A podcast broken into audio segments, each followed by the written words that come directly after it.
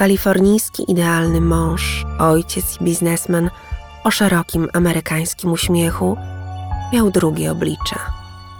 Przesiąknięty teoriami spiskowymi, dokonał koszmarnej zbrodni.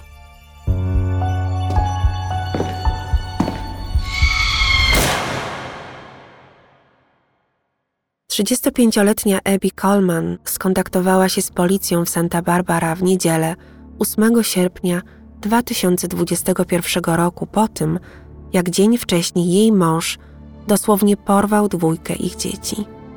Oboje z Matthew pakowali się na rodzinny wyjazd z dwuletnim Kalią i dziesięciomiesięczną Roxy, gdy nagle Coleman wsadził dzieci do wana Mercedesa Sprintera i odjechał – nie odbierał telefonu, nie odpowiadał na wiadomości od żony. Zniknął.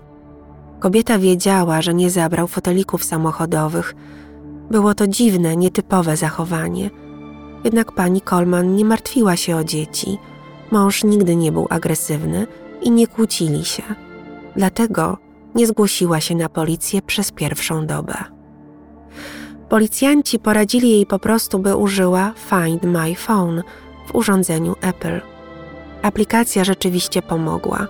Rosarito w Meksyku było ostatnim miejscem, z którego odebrano sygnał telefonu Matthew. Miejscowość nad oceanem, tuż za Tijuaną, była o ponad 5 godzin drogi od ich domu. Kamery monitorujące wychwyciły obraz jego samochodu, na którym można było dostrzec, że młodsze dziecko przywiązał do siedzenia. W Rosarito zameldował się w jednym z hoteli jeszcze w sobotę. Kamery zarejestrowały moment, jak wychodzi z pokoju przed świtem w poniedziałek 9 sierpnia wraz z dziećmi. Do hotelu powrócił niedługo potem, sam i od razu się wymeldował.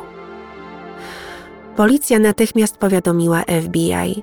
Sprawa nabrała charakteru porwania rodzicielskiego – Coleman został zatrzymany przez funkcjonariuszy ochrony granicznej podczas powrotu do Stanów przez przejście w San Isidro. Wracał bez dzieci. W jego samochodzie była krew. Mężczyzna przyznał się od razu. Wyjaśnił, że został oświecony, miał wizję i widział znaki, że jego żona przekazała jego dzieciom przeklęte gadzie DNA. Matthew Taylor Coleman – 40-letni właściciel szkoły dla surferów Love Water w Santa Barbara zamordował dwoje swoich dzieci w Meksyku. Obawiał się, że wyrosną na potwory, więc musiał je zabić. 12 sierpnia 2021 roku władze stanu Kalifornia przedstawiły mu zarzut dokonania morderstwa poza granicami Stanów Zjednoczonych. FBI ujawniło, że mężczyzna tuż po zatrzymaniu przyznał się do zamordowania dzieci strzałami z harpuna do podwodnych połowów. Strzelał do nich wielokrotnie w klatki piersiowe, do dziewczynki 12 razy, do chłopca 17. Zwłoki córki i synka ukrył w rowie. Wierzył, że jego żona przekazała wężowe czy też jaszczurze DNA ich dzieciom. Podał miejsce, w którym wrzucił do strumienia broń. Wskazał też, gdzie pozbył się zakrwawionych ubrań. Zlokalizowano je w koszu na śmieci na poboczu drogi do Tijuany. Zidentyfikował również dwa ciała odkryte przez meksykańską policję w rowie niedaleko Rosarito.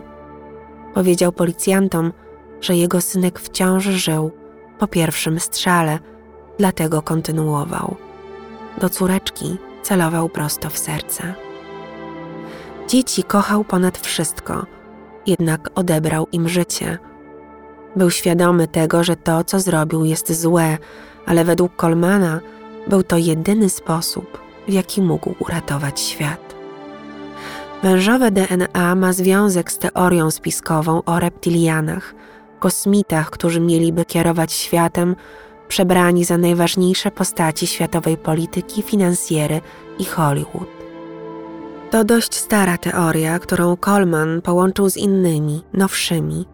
Mężczyzna zachłysnął się także historiami o iluminatach i teorią QAnon, która opiera się na wierze w globalną grupę przestępczą kanibali pedofili u szczytu władzy Stanów Zjednoczonych i Hollywood, mordującą, zjadającą dzieci i pijącą ich krew.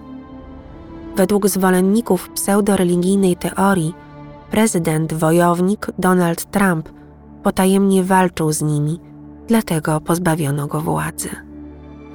Social media i internet udowadniały, że Matthew Coleman to chodzący ideał.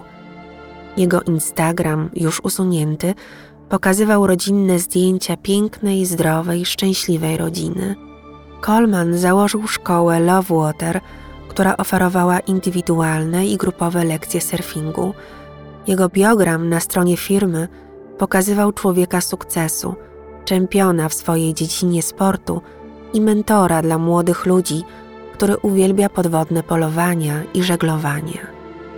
Przyjaciele i sąsiedzi dziś twierdzą, że zauważyli, iż w ostatnich latach coraz bardziej był wycofany.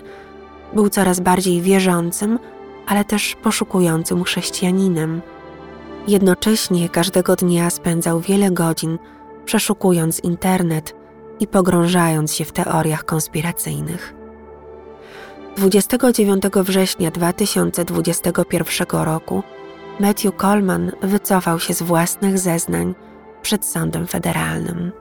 Obecnie nie przyznaje się do winy. Grozi mu kara śmierci. W Kalifornii wykonuje się egzekucję przez wstrzyknięcie trucizny.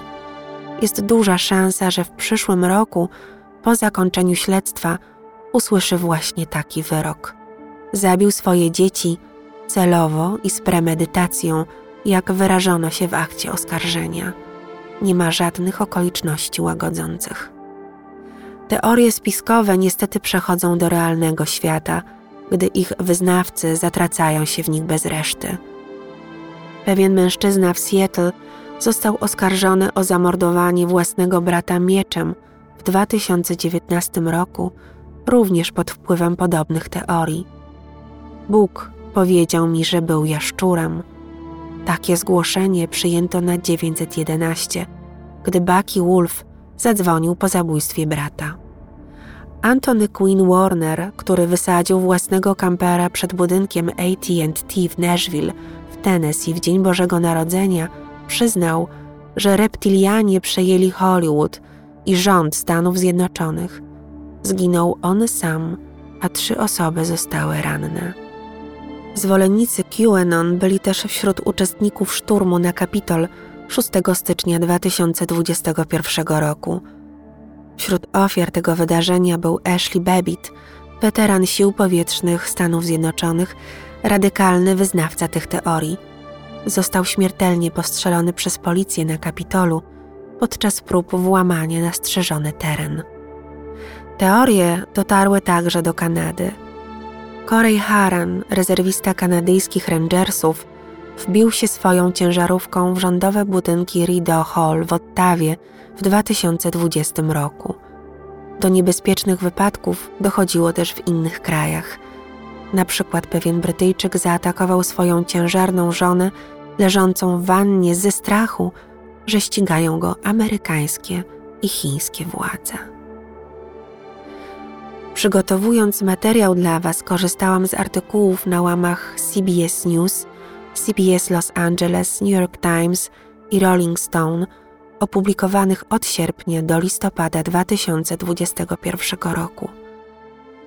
Uważajcie na siebie, uważajcie na swoich bliskich.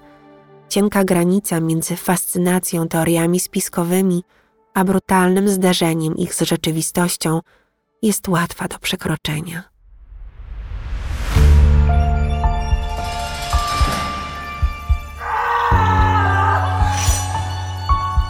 Zapraszam Was na następne opowieści. Każdego dnia świat wypełniają krwawe akty zbrodni, makabra i śmierć. Renata z worka kości.